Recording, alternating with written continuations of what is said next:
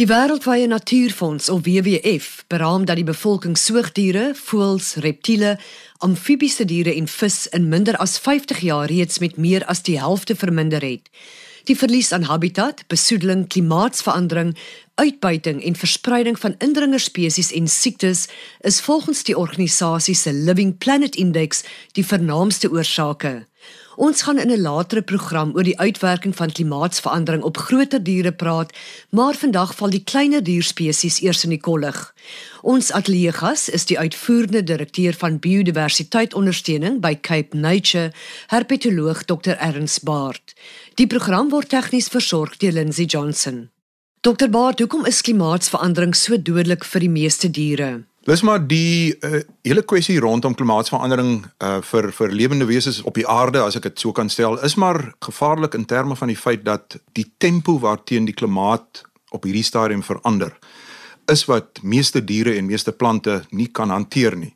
Mens moet onthou dat klimaatsverandering kom al baie miljoene jare uh, op op aarde en so aan, maar dit is nou die tempo waarteen dit plaasvind wat die die diere en die plante dit net nie kan hanteer nie. So met ander woorde, hulle kan nie gou genoeg hulle lewenswyses of nuwe plekke kry om te gaan woon, ehm uh, betyds kry nie om dit so te stel. Ons praat nou vandag spesifiek oor kleiner diertjies. sien julle al 'n patroon dat sekere kleiner dierspesies geraak word?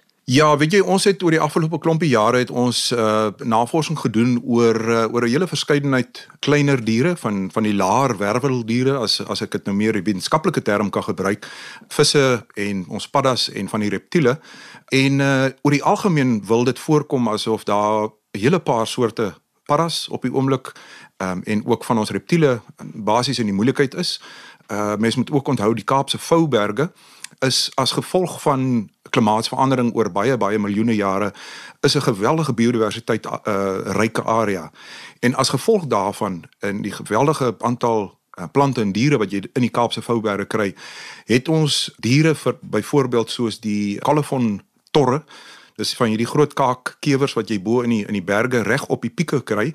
Uh, elke piek in die in die Kaapse Vouberg het amper sy eie unieke soort kewer wat daar bly en hulle is as gevolg van klimaatsverandering is hulle absoluut uniek. Dis waar hulle na toe gedruk is. Hulle het nêrens meer om te gaan byvoorbeeld nie. So met ander woorde, indien die klimaat dan nou drasties sou verwarm, sou hulle uitsterf. So ja, daar is verskeie tekens wat ons het. Ons het 'n uh, langtermyn navorsing wat ons op ons uh, paddas ook in die in die Kaapse Vouberg en die Hottentots Holland, die Jonkershoek uh, berge doen wat vir ons wys dat as gevolg van die hoër brandfrekwensie wat ons in die fynbos kyk fynbos moet brand van tyd tot tyd maar die hoër frekwensie met ander woorde te veel brande in te kort tyd.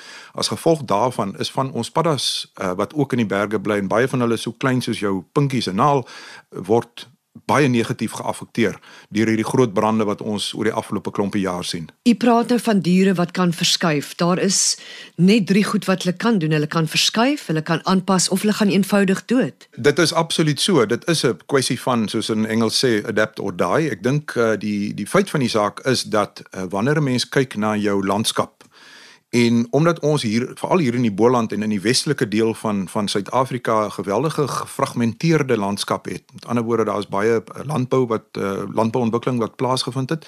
Ehm um, en so met ander woorde jou natuurlike uh, gebiede is baie gefragmenteer.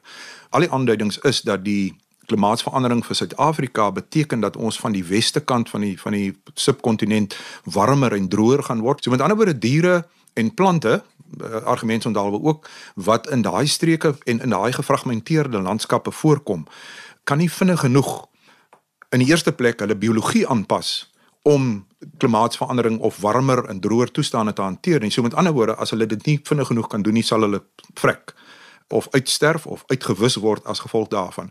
En dit is hoekom dit belangrik is vanuit 'n beplanningsoogpunt dat 'n mens kyk dat jy jou landskappe kan probeer aan mekaar skakel soos ons byvoorbeeld nou in ons het in die afgelope paar jaar het ons 'n biodiversiteitsplan vir die Wes-Kaap ontwikkel waar ons kyk na biodiversiteitskorridors of met ander woorde aan eengeskakelde gebiede waar jy dan ten minste van sê maar van die Weskus tot in die berge of van die noorde kant van die, die Cederberge tot onder by die Kogelberge ensovoorts ensovoorts uh hoogland laagland korridors uh, kan skep en dit natuurlik is moontlik kan probeer hou sodat jou diere en jou plante wat nog daar bly dat daar ten minste beweegruimte uh, beweegruimte is om dit so te stel. So met ander woorde om jou vraag te antwoord, ja, dit is maar 'n kwessie as jy nie vinnig genoeg kan aanpas nie, sal jy uitsterf. Daar's geen twyfel daarin. Dit sal seker baie jare vat om die korridors te vestig. Ja, ja, ons praat van ons praat van baie jare. Ek dink die sleutel van die situasie is dat indien jy hierdie korridors aan mekaar geskakel kan kry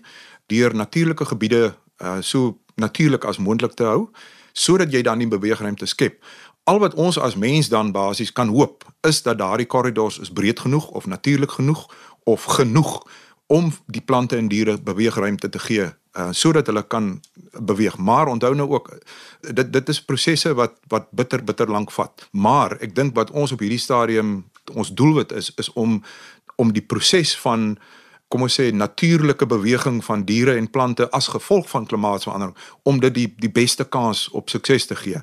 Byvoorbeeld bo teen die Weskus by die Olifantsrivier is daar nog groot stukke landskap wat reg van die kus af uh, tot in die noorde kant van die Cederberge aan mekaar geskakel kan word om juis so 'n korridor te skep.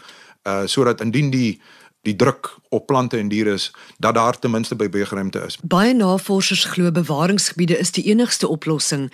Kan mens hierdie korridors gelykstel aan bewaringsgebiede? Absoluut, absoluut. Ek dink wat uh, wat die wat wat die die konsep wat ons gebruik is is om ons natuurreservate en ons nasionale parke te gebruik as die kerngebiede vir hierdie korridors wat ons aan mekaar geskakel kry.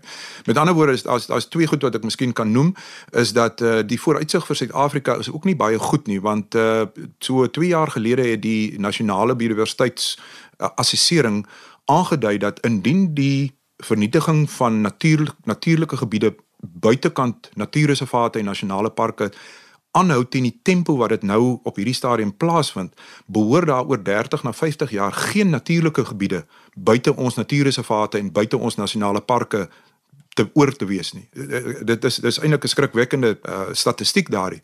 En dit is juis hoekom ons probeer landwyd en wêreldwyd uh, probeer uh, natuurbewaringsorganisasies juis om hierdie natuurgebiede so natuurlik as moontlik te hou en dan aan een geskakel te hou met natuurgebiede wat tussenin voorkom. Meeste daarvan is is privaat grond. Ons by Cape Nature hier in die Wes-Kaap en ook in die ander provinsies, ons gebruik die ehm um, biodiversiteit voogskap uh, program wat ons doen wat ons dan privaat grondeienaars uh praat met hulle en onderhandel in terme van om sekere gebiede natuurlik te hou op hulle op hulle grond. En dit is wat ons in ons uh, in, in Engels noem ons biodiversity stewardship program. En ons het nou ook al in die afgelope 4 5 uh, finansiële jare het Cape Nature uh, 170 000 hektaar ekstra tot die natuurreservaat netwerk toegevoeg. En spesifiek dit word ge, ge, gemik daarop om juis korridors te handhaaf in die landskap sodat daar ten minste na, nog natuurlike gebiede is. So jy is absoluut langtermyn ingestel. Ja, absoluut, absoluut ja. Dit is die die die die die beplanning is dat ons vir die volgende 50 na 100 jaar toe probeer om soveel as moontlik te doen om natuurgebiede buite ons natuurreservate uh net so natuurlik as moontlik te hou. En ek moet uh, ekskuus daar ek miskien net daarby voeg dat dit is wonderlik om te sien hoe die hoe die privaat grondeienaars reageer op hierdie program en daar is dit, is dis is werklik baie wonderlike werk wat gedoen word. Dr Baard, kan ek net vra, is dit nie 'n geval van too little too late nie? Reg oor die wêreld word daar nou soveel inisiatiewe geloods, maar het ons nie te laat begin nie? Dis maar ek is oortuig daarvan dat dat dit baie gevalle is dit te laat. Daar is net soveel wat ons nou op hierdie stadium kan doen.